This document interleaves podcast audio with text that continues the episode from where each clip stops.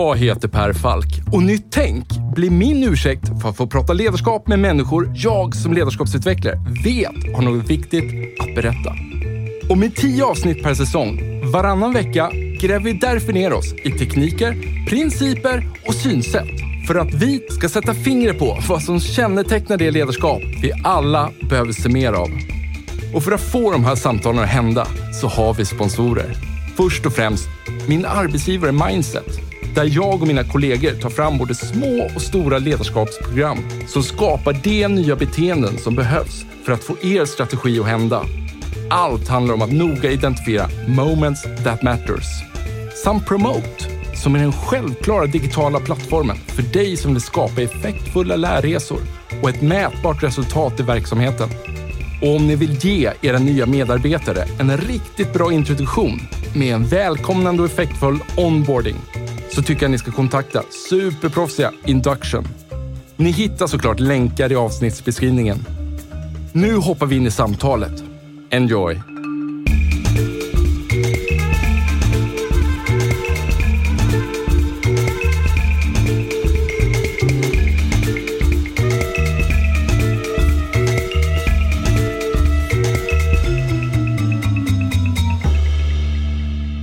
Jag tänker ju så här att det här vi ska prata om nu strax, det, det har ju hänt förut i historien. Eh, gång på gång på gång. Och bara en sån enkel grej som glasögon till exempel. Det, det förstärker ju kroppen, eller förstärker ett sinne. Och jag, jag kommer faktiskt från en synundersökning med min eh, sexåring. Eh, och det visade sig att hon behövde läsglasögon här. Då, och då började jag tänka på det här och så körde jag en snabb Wikipedia-sökning på det. Och min fråga till dig nu är så här, när tror du att glasögon uppfanns? Åh, oh, vilken bra fråga. Det är ju förmodligen för väldigt länge sedan. Eh, knäckfråga direkt. Nej, men jag skulle gissa som, som produkt, tidigt 1800-tal. Enligt Wikipedia då, eh, Venedig 1200-talet. Ja, så är det säkert en första version. Men förmodligen inte allmänt tillgänglig däremot. Självklart inte. Och, så här, och då enligt samma då Wikipedia-utdrag då, så, så står det också där att i, i Sverige så omnämns det i skrift första gången så här, mitten av 1400-talet. Och då är det en biskop som skriver till en annan biskop och typ refererar till att hans glasögon har gått sönder. Och precis som du säger, det var ju förmodligen inte tillgängligt för alla. Var man biskop på 1400-talet så tillhörde man förmodligen en rätt privilegierad målgrupp. Och därmed kanske man också fick en liten fördel mot många andra med den här förstärkningen av, av synintryck. Uh, och bara så här, by the way, det hette ursprungligen brillor. Jag trodde det var slang. Mm. Ja, mm. Trodde du också det eller? Nej, men det där är någon språkkoppling, eller hur, som jag inte kan. Ja, men det, jag tänker Venedig, mm. Italien. Mm. Så här. Men, men, när den här biskopen pratar om glasögon så pratar han om brillor. Mm. Ja, det var så här kuriosa. Men om vi då bara fantiserar lite och så förflyttar vi oss tillbaka till 1200-talet i Venedig, första generationens glasögon. Va, hur tror du hur tror du man pratade om en produkt som glasögon där och då? När man liksom på något sätt sagt, titta vad jag har uppfunnit här och vad man kan göra med det här. Nej, men jag tror väl att all form av teknisk utveckling i princip alltid möts av ett motstånd och lite förskräckelse. Ja. Eh, säkerligen fanns det de som trodde att man kanske förstörde ögonen av det, fick in ljus som reflekterade fel eller annat. Eh, och det ser man ju egentligen gång på gång på gång. Nej, människan har ju alltid strävat efter att vidareutveckla sig själv. Mm.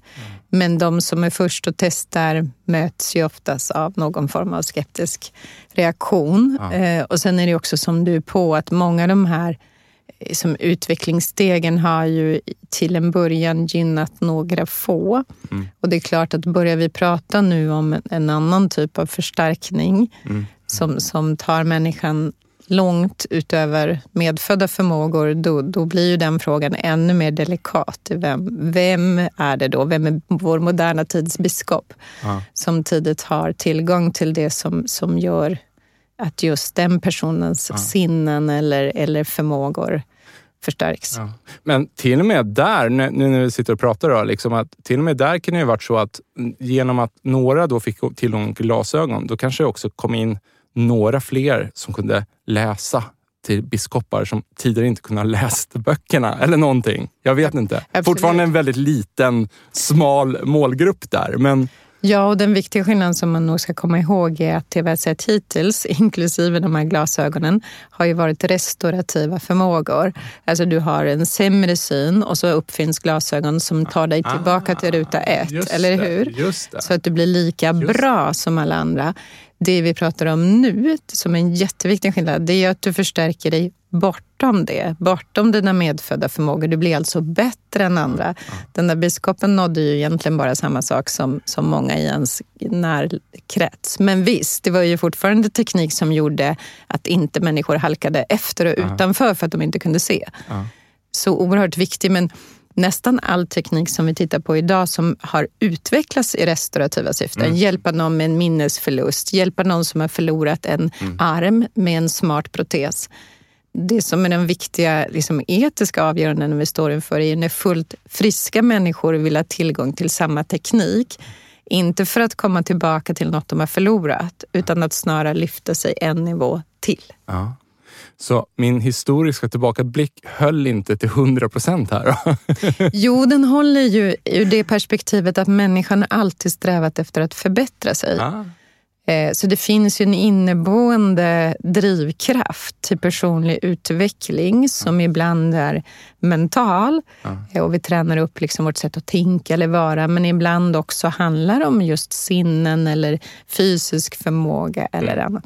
Så att, så att, och det är väl det som gör att teknikutvecklingen nu tar fart. För att nu ser människor att här har jag verktyg att bli bättre. Och då kommer den här användningen igång. Och jag gillar att du, en sak du tog upp där, så att, eh, att när man introducerar ny teknik, att även då med de här glasögonen, då, att så här, tänk om det här är farligt. Liksom. Fanns det inte någon diskussion när ångloken kom med tåg, att, så här, att de här farterna man kommer upp i, så här 30-40 kilometer i timmen, att så här, kommer vår hjärna klara av de här synintrycken? Kanske en myt, jag vet inte. Nej, men absolut fanns den diskussionen. Och på samma sätt har man ju sett med mediautveckling. Att det, den, den diskussion vi har om våra barn är att de är fast vid skärmarna. Den fanns ju också när tvn kom. Och för den delen när radion kom. Så att det, vi är ju oroliga och den oron är ju emellanåt väldigt befogad. För det är klart att emellanåt så introducerar vi teknik som kanske inte leder oss till en bättre plats. Nej. Som när man sminkade sig med radioaktiva ämnen i, i Paris någon gång i tiden. För det var så här självlysande effekt. Men den, den, den tekniken kanske inte var så bra. Då. Ganska Där skulle man ha varit lite, lite mer kritisk. Du, eh, så här, innan vi börjar prata vidare om det här då, Sara. För att om en lyssnare nu inte vet alls vem du är, hur skulle du lyfta fram dig själv? Jag är en person som har jobbat med digital och teknisk utveckling under många, många år eh, i olika former. Framför allt för att, att hjälpa företag att utveckla bättre produkter och tjänster. Eh, först på Volvo med nybilsutveckling. Jag jobbade på Bonnier med att ta fram digitala tidningar, tv, video, strömtjänster, eh, digitala böcker och sen över till bank och finans där jag jobbade på SEB med just digitala banktjänster. Så att jag har väldigt länge rört mig i den världen. Samtidigt är jag med och startat ett par bolag. Så jag är väldigt, väldigt nyfiken kring hur ny teknik förändrar oss som människor. Sen genom åren har jag väl känt att eh, vi pratar så mycket om hur tekniken förbättrar just för företagen och hur vi kan för den delen förenkla vardagen för människorna att konsumera produkter och tjänster. Men ganska lite om hur tekniken förändrar oss som människor på djupet. Och därav att jag först började skriva krönikor i Dagens Industri om det som jag gjorde i sex år. Men samtidigt började på en bok som handlar just om vad händer när tekniken kliver allt närmare kroppen, ibland in i kroppen. Du har ju ett galet imponerande CV. Känner du dig framgångsrik? Jag känner mig lyckligt lottad att jag får jobba med de frågor jag brinner för och dessutom i sammanhang där det känns som man kan göra skillnad. Så på, på så sätt så är jag väldigt glad och tacksam. Ja. Vad är det i din drivkraft då som gör att man får ihop ett sånt här CV? Vad har Nej, varit men- din främsta tillgång? Jag tror min främsta tillgång har att göra med min nyfikenhet att som hela tiden söka de här gränssnitten där olika discipliner möter varandra. Ny teknik, hur påverkar det kunder, människor och hur kan vi designa, utveckla produkter baserat på det. Så man, att vara den här överlöparen mellan mängder av spännande experter och försöka se, se liksom helheten i det och lite titta bakom hörnet. Se mm. nästa steg, var är vi på väg? Det är i alla fall det som har drivit mig. Eh, och det är ju, har ju visat sig vara applicerbart på ganska många olika branscher. Så jag har väl varit ganska eh, ja, men jag har känt att jag vågar ta mig vidare från bransch till bransch. Det är ju, eh, finns ju ibland all, all anledning att stanna kvar för då kan man ju bli djupare, mer kunnig i branschens ja. unika situation. Men jag tyckte det var kul. Det är ju alltid en risk att förflytta sig till en annan mm. bransch för att man kanske har mindre cred där. Och Absolut, man får lite börja fallhöjd. Och, ja. ja, du får börja om i nätverk och du får börja om i kunskap. Så man, det är ju lite uppförsbacke först. Men jag tror också att fler borde röra sig emellan för att man kan ta med sig rätt mycket. Sen är man inte alltid jättepopulär på en bank när man säger gud det där är precis som på en kvällstidning. Men ibland är det ju precis som på en kvällstidning. Så att det, det finns likheter tvärs över de här liksom väldigt specifika miljöerna. Så det är ju rätt kul att flytta på så sätt.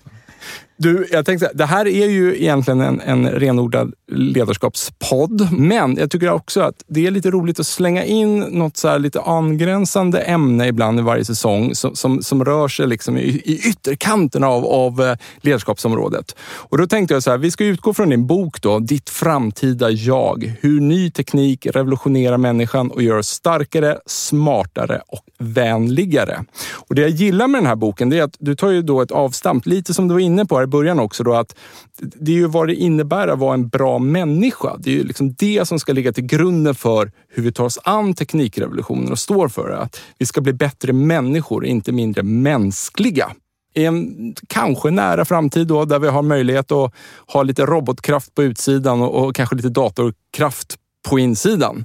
Jag tänker så här, vi försöker prata om det här i samma struktur som du använder i boken, där du pratar om det. Du har delat upp olika parametrar. Liksom, så här, att vi blir smartare, vänligare, eh, starkare och får skarpare sinnen, förhoppningsvis blir friskare, äldre och kanske lyckligare och, och, mer övervakade. Så får vi se om, om i praktiken kanske vi hoppar fram och tillbaks. Vem vet? Eh, kommer vi bli smartare? Om vi börjar där. Och varför då? Eh, ja, på, på två sätt så leder ju tekniken oss till att i alla fall kunna minnas mer och kunna lagra mer kunskaper. Så dels har det att göra med att de verktyg vi använder eh, blir mer och mer anpassade efter oss själva. Det är klart så att eh, i förlängningen kan ju en smart AI-bot läsa av din kalender läsa av din rutin, vem du är, se vilka möten du har inbokade och sen perfekt anpassa den kunskap du behöver ha för dagen. Mm. Det är ju inte speciellt komplicerat med modern teknik, så det gör ju dig på något sätt smartare. Sen om du ska liksom på riktigt bli smartare som människa, ja, då krävs det ju mer avancerad teknik. Och då, då pratar jag i boken om bland annat då just hörlurar som finns redan idag som sänder elektriska signaler till hjärnan och under 20 minuter pulserar och då gör hjärnan mer plastisk så att du sen under en efterföljande timme har möjlighet att då mer effektivt lära in. Och det här är en teknik som blev känd för att Steph Curry, den kända basketspelaren, började använda den i ett experiment tillsammans med forskare, men där man då använda de här hörlurarna för att han sen skulle sätta den här perfekta trepoängaren som ju är en, en teknik där man vill liksom repetitivt göra exakt mm. likadant i varje trängt läge. Och du måste skapa ett muskelminne vilket då visar sig vara väldigt lämpat för just den här typen av påverkan på hjärnan. Och de här forskarna påstår ju att effektiviteten i inlärning ökar mellan 15 till 25 procent. Det är ju väldigt, väldigt mycket. Och är man då på den elitnivån så spelar det ju roll. Sen när jag testade personligen så kan jag säga att det, det var inte så att jag så kunde omedelbart känna att det blev så väldigt mycket bättre. Men det är också för att precisionen i det jag gör är inte lika hög. Som en... Förväntningarna är ju rätt höga när man sätter på sig de där hörlurarna kanske. verkligen, verkligen så. Och det blir ju nästan komiskt såklart. Men det är ju ditåt viss teknik är på väg. Alltså det, hur kan vi påverka hjärnans koncentrationsförmåga och inlärningsförmåga? Um, så det är ju en sak med yttre påverkan. Sen känner du säkert och många av de som lyssnar till de experiment som Elon Musk gör med sitt företag Neuralink. Mm. Och det är ju dess mest extrema form, det vill säga att man lägger, sätter implantat i hjärnan. Mm. Ett chip som man lägger in i syfte av att kunna både läsa hjärnsignaler, vad är det jag tänker, vad är det jag vill? Mm men också kunna ge input till hjärnan. Mm. I förlängningen importera ett språk eller mm. en begåvning jag inte har i matematik eller ett minne jag mm. inte har, ett, en plats jag inte har besökt som jag kan importera och därmed komma ihåg fiktivt. Ja. Visade inte de upp en apa i närtid? Ja, de har gjort på flera olika djur. Och som gick och dog också efter de hade visat upp det, tyvärr, tror jag. Så jag, kan jag, kan vara, jag kan vara fel ute. Men... Det, det, vet jag inte, men de har ju bevisat, även på getter och grisar, att det här faktiskt fungerar. Sen ska man ju komma ihåg, även för den här tekniken, mm. så är det ju så att den utvecklades ju också i ett restaurativt syfte, alltså återigen för att mm. hjälpa människor som har förlorat en förmåga. Mm. Så en av de första trans liknande transplantationerna som skedde var ju på Sahlgrenska i Göteborg. Mm. Men då var det en man som hade förlorat sin arm. Aha. Och så implanterade man ett sådant chip för att då kunna mannen skulle kunna kommunicera med sin protes. Ja. Alltså han kunde tänka, hand öppnar dig och protesen öppnar sig. Ja. Hand stäng dig ja. och protesen stänger sig. Och för en människa som har förlorat en kroppsdel så är det såklart magi och fantastiskt att, att läkarna och vetenskapen kan, kan återskapa den förmågan. Verkligen. Mindblowing. Det är mindblowing, men då säger ju en Elon Musk det och tänker, haha, vi ska inte nöja oss med dem med proteser, utan vad händer när vi sätter in de här chippen i andra människor? Eh, och även Mark Zuckerberg och Facebook har ju liknande projekt. Nu, nu, har han officiellt stängt dem för det finns ju väldigt mycket etiska, mycket kritik och många etiska frågeställningar kopplade till det och just Facebook har ju så mycket problem ändå. Men det pågår och det pågår ju också som forskning. Så det är ju en sak om kommer vi att klara av att ta fram sån teknik och en helt annan fråga, kommer vi någonsin att i mängd arbeta med det? Men att vi tekniskt ska lösa det, det tror jag de flesta är överens om att det kommer att gå i någon form. Mm. Och då handlar det om att just kunna gå från tanke, jag går in i ett rum och, och tänker ljus, tänd dig och ljuset tänder sig. Mm. Ja, men den går ju på något sätt att se framför sig. Eh, att importera ett språk, det känns som ett så stort tankesprång att eh, ja, och det är ju en utopi, det har ju ingen någonsin bevisat. Nej, nej, nej, såklart. Men, men det är ju det men vad tror du rent personligen då?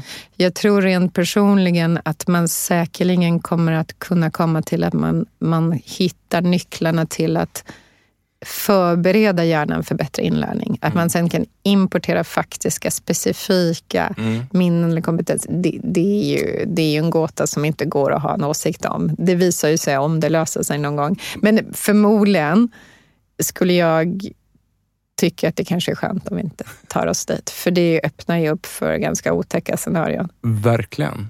Men däremot så återigen, man måste komma ihåg att det finns människor som förlorar sina minnen. Det finns människor som har hjärnskador där vi vill få dem att återfå sin talförmåga, återfå, eller hur? Mm. Så det är så lätt att tycka om det, men samtidigt behövs ju tekniken mm. för, för vissa. Ja, men också jag kan tänka mig att man kan se sig ett scenario, även om man då inte har råkat ut för en skada, men att, att, så här, att någonstans, jag har lärt mig ett språk när jag gick i skolan till exempel, men sen har jag inte använt det. Men någonstans ligger informationen delvis lagrad. Man skulle kunna tänka sig ett scenario då att man kanske kan jag vet inte, förstärka, plocka fram dem mm. på något sätt. Och Det är ju mer rimligt att tro. Och sen så tänker jag också så här att det är klart om du kan skapa ett livets varsystem. För jag funderar mycket på de här fotbollsdomarna i fotbolls-VM. Det är ju något så här intressant med att vi har tänkt om hela matchen i form av att en domare kan gå ut och titta på vad som egentligen hände. Mm. Det har vi liksom accepterat som en del av mm, mm domslutet. Mm, ja, men applicera det på fler situationer då. Om jag har ett livets varsystem i mitt huvud, jag kan liksom bara zzz, spola tillbaka till en exakt plats och se exakt vad du sa, exakt vad jag sa. Då blir ju löften någonting helt annat. Det går ju aldrig att ljuga. Det blir helt omöjligt att glömma saker. Ja det, det tar oss till en annan värld, eller liksom en perfekt sanningsdatabas gör att allt finns återkalleligt. Ja. Um, eller ja, det kanske är fel ord, men du kan återkalla varenda situation. Det, det ställer ju väldigt mycket på sin ända. Du pratar i din bok också om uh, så här, den här vad heter det, flynneffekten. Mm. Eh, att vi gradvis då, eh, som vi definierar IQ idag, att IQ går ner. Och det har vi faktiskt varit inne lite på i ett an, helt annat avsnitt också. Men det låter på dig som du argumenterar att så här, det kanske inte behöver vara så. Det är bara det att IQ har förändrats. Ja, men precis. För att IQ har ju ökat fram till 2004, tror man ju ungefär. Eh, och ganska rejält, successivt i samma takt. Och sen händer ju någonting där tidigt 2000-tal där helt, plötsligt, ja, helt plötsligt, där bryts det och, och IQ går återigen ner. Det finns ju bra forskning som visar på att det beror inte på omflyttning av demografier. Det beror inte på... För man kan se att även söner har lägre IQ än sina fäder. Och det är framförallt norsk forskning som har visat det. Det är mönster, Mönstringsstatistik, ja. Så det var ju en knäckig fråga där, för många var ju, hade ju ganska otäcka argumentationer kring varför IQ gick ner som hade att göra med ras och annat. Ja. Men, men där slog man hål på hela den myten, utan det är rakt nedstigande led. Och det får ju alla att tro att det måste bero på yttre påverkan. Att till exempel vår liksom digitala användning har gjort att arbetsminnet förändras. Vi mm. behöver inte hålla lika mycket i huvudet längre. Vi behöver inte komma ihåg telefonnummer, gatuadresser och annat. Nej. Det är klart att det är inte orimligt att det skulle påverka hjärnan. Men det vi inte mäter i de väldigt traditionella IQ-testen, man måste komma ihåg att de här har ju gjorts så länge. Forever, ja. ja. Och vi mäter ju inte vår förmåga att förstå komplexa sammanhang, att snabbt hoppa mellan olika fakta, eh, input och liksom röra oss mellan det och se liksom mönstret i det och så vidare. Nej. Så det kan ju vara så, det är väl det jag försöker skriva i min bok. Det vet vi ju inte än. Nej. Men det kan ju vara så att vi har utvecklat en helt annan typ av intelligens som är mer omedelbar och direkt. Ja att vi snabbt kan fatta exekutiva beslut i en komplex värld. Ja. Men sen så när jag tittar på min eh, son då, som, som fyller, han är åtta och fyller nio i, i höst. Och han och hans kompisar, liksom, så tycker jag så här, de är så jäkla smarta. De är mycket smartare på en mängd olika plan än vad jag var i samma ålder kanske inte nödvändigtvis så känslomässigt smartare, men de intresserar sig för helt andra grejer och har mycket bredare intressen. Och framförallt så kan jag tycka då att eh, Alltså så här, om min son sitter och håller på med, heter det Minecraft eller Minecraft? Jag lär mig aldrig. Minecraft. Minecraft, ja. Och så sitter han och så har han Netflix på samtidigt uppe i hörnet och sitter och bygger och tittar på någonting. Som förälder så gör det lite ont liksom på något sätt. Att det här kan bara inte vara bra liksom, att sitta multitaska på det sättet. Men å andra sidan så har han, jag menar så här, jag vet inte ens hur jag ska använda Siri på paddan det har han själv listat ut sedan forever. Innan han kunde läsa och skriva så gjorde han sökningar på, på, på Google med, med, med Siri. Han, när han stötte på ett problem i Minecraft, då letade han upp tutorials själv. Jag har inte lärt honom att göra det på Youtube. Så att hans förmåga att lära sig själv är ju på en helt annan nivå än där jag var i samma ålder. Mm. Allmän, så allmän reflektion. Mm. Är jag helt fel ute eller? Nej, men det är väl precis det som... Där finns det inte så långa forskningsserier så vi riktigt har hittat en bra definition på, på vad är då en annan form av att mäta IQ. Och IQ är ju det vi egentligen liksom inte riktigt kan påverka genom livet heller. EQ kan vi ju träna upp, men IQ är inte så hög utsträckning. Och det är väl det som är spännande. Har det hänt någonting med vår hjärna på riktigt? Ja. Inte bara vad vi tränar den till under livets gång. Ja. Ehm, så det får väl, det får väl eh, visa sig över tid. Men jag kan tycka återigen, oavsett hur vi mäter saker så är det ju bortom allt rimligt tvivel precis det du säger. Att en ny generation har utvecklat andra förmågor att ta till sig kunskap, att röra sig själv i komplexa landskap. Vi vet ju till exempel om man tittar på film och böcker som ett tecken i tiden så kan man ju se att tempot och komplexitetsnivån mm. i vad som berättas har ju ökat markant. Mm, mm. Så sätt vilken gammal film som helst framför en yngre person och de tycker det är så långsamt och segt. Jag provade Ronja Rövardotter på min eh, ja. sexåring. Hur gick det? Äh, inte alls. Eh, och, och, då tyckte jag så här, den här, det såg man ju, eller i alla fall jag, jag var nog betydligt, betydligt äldre än, än hon. Nej, det, det var liksom, jag, jag, tänkte så här, hon kommer ju älskar Ronja Rövardotter. Liksom. Det, nej, det fastnade inte alls. Eh, jag tror hon mest var lite, lite förundrad på något sätt. Liksom. Och hon frågade aldrig, liksom, för de, de låg uppe som avsnitt även om det var hela filmen. Men, men det kom liksom inget naturligt att hon ville se nästa avsnitt eller någonting. Utan jag tror hon kanske var lite artig mot mig och jag, bara tittade. men frågade inte. Liksom. Nej, och det, och det, men sen ska man ju komma ihåg att det som man ju ser i studier också är att vår koncentrationsförmåga är ju sämre över tid. Ja. Och det har ju att göra med film, så att lång, långa avsnitt orkar inte den yngre generationen på samma sätt. Nej. Det ska vara snabbare bekräftelse och gärna kortare episoder. Eh, så det, det, är ju baksidan av det hela såklart, att vi liksom håller inte i lika länge. Och det, det, är ju inte en helt positiv utveckling. Nej, men alltså, det, det är så här, nej, och det är därför det gör ont i mig då när han ser när han håller på och spelar och kollar på Netflix samtidigt. Så jag bara, det här måste vara fel, men samtidigt kan jag inte låta bli att tänka tanken, det kanske var fel för mig och min generation. Jag, jag vet inte, jag är öppen för att det kanske finns fördelar vi inte ser. Jag läste faktiskt någonting om att även hos folk som gamer mycket. Och Det är ju också ett exempel när han sitter och gamer eh, och, och pratar hörlurar med sina kompisar. Liksom han eh, framstår redan nu som en, en, att jobba virtuellt. Man är ju en dinosaurie mot hur de pratar med varandra. Liksom. Men jag läste någon undersökning som visar att även folk som spelar dataspel får ett bättre lokalsinne. Så hjärnan verkar liksom inte göra skillnad på om jag rör mig runt på, med spjut och, och, och rör mig runt min grotta och för att leta mat eller jaga. Eller om man förflyttar mig i en virtuell miljö på något sätt och, och håller reda på hur jag är i förhållande till andra objekt. Mm, Utan mm. lokalsinnet ökade även när man spelade dataspel. Mm. Det är jätteintressant. Och det är väl också därför de här olika formerna av simulatorer har fungerat så väl i inlärning eh, med allt från piloter till andra yrken. Verkligen. Och sen ska man ju komma ihåg att det som vi kan lära in och lära upp i högre utsträckning är ju EQ. Mm. Så vår emotionella intelligens, det vill säga liksom både hur vi förmedlar och, och interagerar med andra men också hur vi läser av vår omgivning och reagerar till följd av det. Och där hjälper ju tekniken oss mm. väldigt mycket mer. Eh, och det i sig är ju en intelligens och det visar ju sig också att de som lyckas väl i i samhället i stort men också i näringslivet ofta har, det är högre sannolikhet att de har hög EQ än att de har hög IQ. Eh, och då kan man ju tänka till så här, vänta nu, EQ går att träna upp, tekniken kan hjälpa oss, ja, då kanske vi borde stötta fler ja. i den, den typen av träning. Och, och det är ju här då jag som ledarskapskonsult blir liksom superintresserad av just det här ämnet. Hur ser du att teknik skulle kunna hjälpa oss här? Men dels så kan ju tekniken verkligen hjälpa oss att, att först och främst förstå våra egna känslor bättre.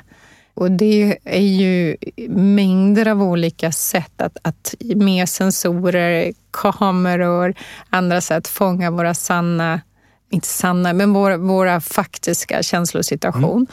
Mm. Så till exempel så kan ju bara 30 sekunder smartkamera fånga blod strömmarna i, min, i mitt ansikte. Och det gör i sin tur att du lätt kan läsa av att jag är stressad eller jag är lugn och så vidare. Mm. Och så har du då sensorer som mäter elektriskt motstånd i huden på en, ett aktivitetsband på det. Då har du ganska perfekt data på det. Mm. Och så tar du hur pigga mina ögon är och hur jag slår på tangenterna. Och så börjar du få ett ganska fint kartotek över ja. mitt känslotillstånd. Och det kanske jag borde känna själv. Kanske inte behöver sensorer till det kan man ju argumentera. Men grejen det kanske säger till innan du känner känslan. Dels Den kanske det. ligger lite före på något sätt. Ja, dels det. Och det tror jag att alla har antingen själv känt eller haft någon i sin närhet som man önskar att de kunde kontrollera sina känslor bättre. För det kan göra väldigt ont när någon reagerar hårt. Ja.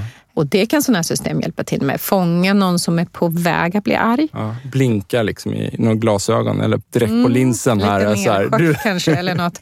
Men sen finns det, det finns ju ett svenskt företag som är, hade sin början i forskning i Boston som ju har hittat ett system för att fånga när man håller på att slumra till i en bil till exempel. Ja som är jätteviktigt för att undvika mm. olyckor och så vidare. Men vad jag ska säga var att jag tror att vi vi har så bråttom i livet mm. och vi har så mycket inprogrammerat så vi hinner inte med den här reflektionen i hur mår jag faktiskt egentligen. Så de här datapunkterna, om du kan koppla dem till exempel till din kalender, kanske till och med till dina kontakter. Mm. Ja, då börjar jag helt plötsligt få rätt mycket information på mm. i vilka sammanhang mår jag bra, i vilka sammanhang stressar jag upp mig, var ger jag energi och tar energi, mm. hur ser det ut över tid? Och jag kan helt plötsligt kanske lära mig att hantera åtminstone min vardag bättre. Ja Och vilket sinnestillstånd är den jag pratar med just nu här på andra sidan poddstudion här? Mm. Hur ska jag förhålla mig till ja. Sara som sitter här just nu? Jag kanske kan få någon information om det också. Inom en arbetsgrupp eller liknande. Ja, och redan nu finns ju sådana system för kundtjänst. Så att då kan ah. jag när någon ringer in ganska ah. lätt, för rösten är ju en väldigt bra datakälla för känslotillstånd. Man hör snabbt om någon är arg eller stressad eller ja. har liksom är väldigt glad för den ja. delen. Och då kan ju den som tar emot samtalet få både information om att den personen börjar låta ganska pressad. Bäst att du mjukar upp din röst, för din röst låter nämligen inte så trevlig. Du kan mäta over, alltså, överlappande kommunikation, vilket är ofta är ett tecken på konflikt. Ja. Vi pratar i munnen på varandra, ja. börjar forcera. Ja varningssignal. Ja. Superintressant och direkt överfört till ett mötesrum. Absolut. Ja. Sen är ju återigen, känslor är ju så intima och vi lägger ju väldigt mycket tid på att dölja känslor i många sammanhang. Ja. Så det är ju inte alltid helt välkommet att någon speglar upp att hej, du verkar lite nervös eller liknande. Och det finns ju företag som har gett sig på att sälja tjänster som mäter känslor just i anställningsintervjuer. Och de har ju fått ganska stor kritik för att ja. det är ju integritetskränkande att, att du ställer frågor till mig och så går min puls upp och då ser du det på din skärm samtidigt som jag svarar. Ja. För det kan ju betyda så mycket såklart. Det kan betyda att, att jag bara är nervös men det kan också betyda att jag ljuger. Exakt. Eh, och så, men så tänker jag som, som, du säger, men man kanske blir jättenervös i en intervjusituation. Men det behöver inte nödvändigtvis korrelera med hur jag kommer prestera i en arbetssituation. Nej, och det är där tekniken blir ganska korkad. Och kanske också sålla bort de som har lite svårare att kontrollera sina känslor. Så det, det är inte helt lätt det där, för det är så svåra frågor. Och, du, och sen kan du ju se, hävda, liksom, det är klart kommersiellt kan du ju se en massa applikationer som du kan ifrågasätta, till exempel dating. Ja. Om du är en datingtjänst, det är klart, sätter du på den typen av känsloreaktioner ja. på det, det blir rätt ja. effektivt men också lite läskigt. Och detsamma, du har sett i Japan till exempel finns det flera bolag som nu där säljs ju en ganska stor del av, av dryck, dryck och snacks genom såna här äh, maskiner. Ja. Så man går fram till maskin och väljer sin, ja. sin läsk eller vad det kan vara. Och där har man nu känslosensorer. Det betyder ju att du kan rekommendera, du behöver en avslappnande drink och du behöver en uppiggande baserat på ditt ansiktsuttryck. Ja. Jag tror inte att alla skulle tycka att det var helt eh, fantastiskt att maskinen mäter en känsla, men, men det sker här och nu. Ja. Eh, och det är väl en del av att varför eh, också en av mina drivkrafter för att skriva den här boken var att jag tycker att det här är så viktiga etiska frågor och just känslorna är kanske det mest extrema. Mm. Där man faktiskt måste ta sig en ordentlig tankeställare kring. När bidrar det här? Mm. När, när lär jag mig själv och mer om hur jag mår? För, för att välmående och vår psykiska hälsa är ju ett samhällsproblem. Mm. Så kan man bidra till att människor blir mer duktiga och kunniga till hur, hur uppfattas jag och hur, vad får jag för feedback och så vidare. Eh, då är det ju tekniken fin. Men börjar den bli liksom kommersiellt använd av externa parter, ja då börjar det bli svårt. Men man skulle kunna tänka sig system som eh, inom en, eh, liksom ett, en organisation då, liksom att eh, även om inte eh, Eh, HR-direktören sitter och, och, läser om allas sinnesstämningar och emissioner så, så kanske det går ut så ett automatgenererat eh, handslag till någon som kanske behöver stöd och hjälp. Och sen så bestämmer den personen själv om man ska ta det här virtuella handslaget och kanske kontakta företagshälsovård eller någonting. Jag vet inte. Så det går ju att hitta en, en, någon... Du kan hitta en balans, ja. Men så länge, det kräver ju sån enorm tillit bara. Att arbetsgivaren då verkligen vill dig väl och inte vill sålla ut vilka som är stabila och icke stabila. Nej. Men sen tror jag det finns vissa yrkessituationer. Det är, så här, det är klart att om du ska gå in för en hjärtoperation ja. Det tror att du är ganska intresserad av att veta att den där hjärtläkaren som ska utföra ja. den är psyk i psykisk balans. Inte jättestressad, inte jättetrött. Ja. Eller piloten, eller vad det kan vara. Så i vissa sammanhang kan man ju förstå varför det här kan vara viktigt, om än eh, kanske något pressande obehagligt för den som utför det. Och i andra sammanhang kan man ju fråga Det blir som en sorts nykterhetskontroll bara ja. där då, eh, skulle man kunna se det där. Ja. Så skulle man kunna se det. Men, men äh, återigen så tror jag just i, i den, egen, alltså, den egna informationen i att lära sig mer om sig själv och hur man mår. Och det kände jag själv. Jag testade ju rätt mycket av den här tekniken. Och en viktig insikt var för mig att det gav mig faktiskt ganska stort lugn. Det kan framstå som stressande att man har sensorer på kroppen. Men lugnet består ju av att man lär sig så mycket av sig själv, om sig själv. Ja. Att man fattar att vänta, den där sena kvällen med kanske ett par glas vin dessutom ja. gör att jag sover sämre och gör att jag idag känner mig mer rättlig, ja. lättretlig. Det hade jag ju kunnat räkna ut ändå. Ja. Men när du får data på det. Det är ett feedbacksystem. Det är ett feedbacksystem, exakt så. Och när du dessutom ser det repetitivt då börjar det ju också ändra ditt beteende mm. mot ett liksom, ett beteende som du mår bättre. Mm. Så om jag frångår formatet lite. Hörni, tack till våra sponsorer Mindset, Promote samt Induction för att ni tror på den här produktionen. Ta hand om er.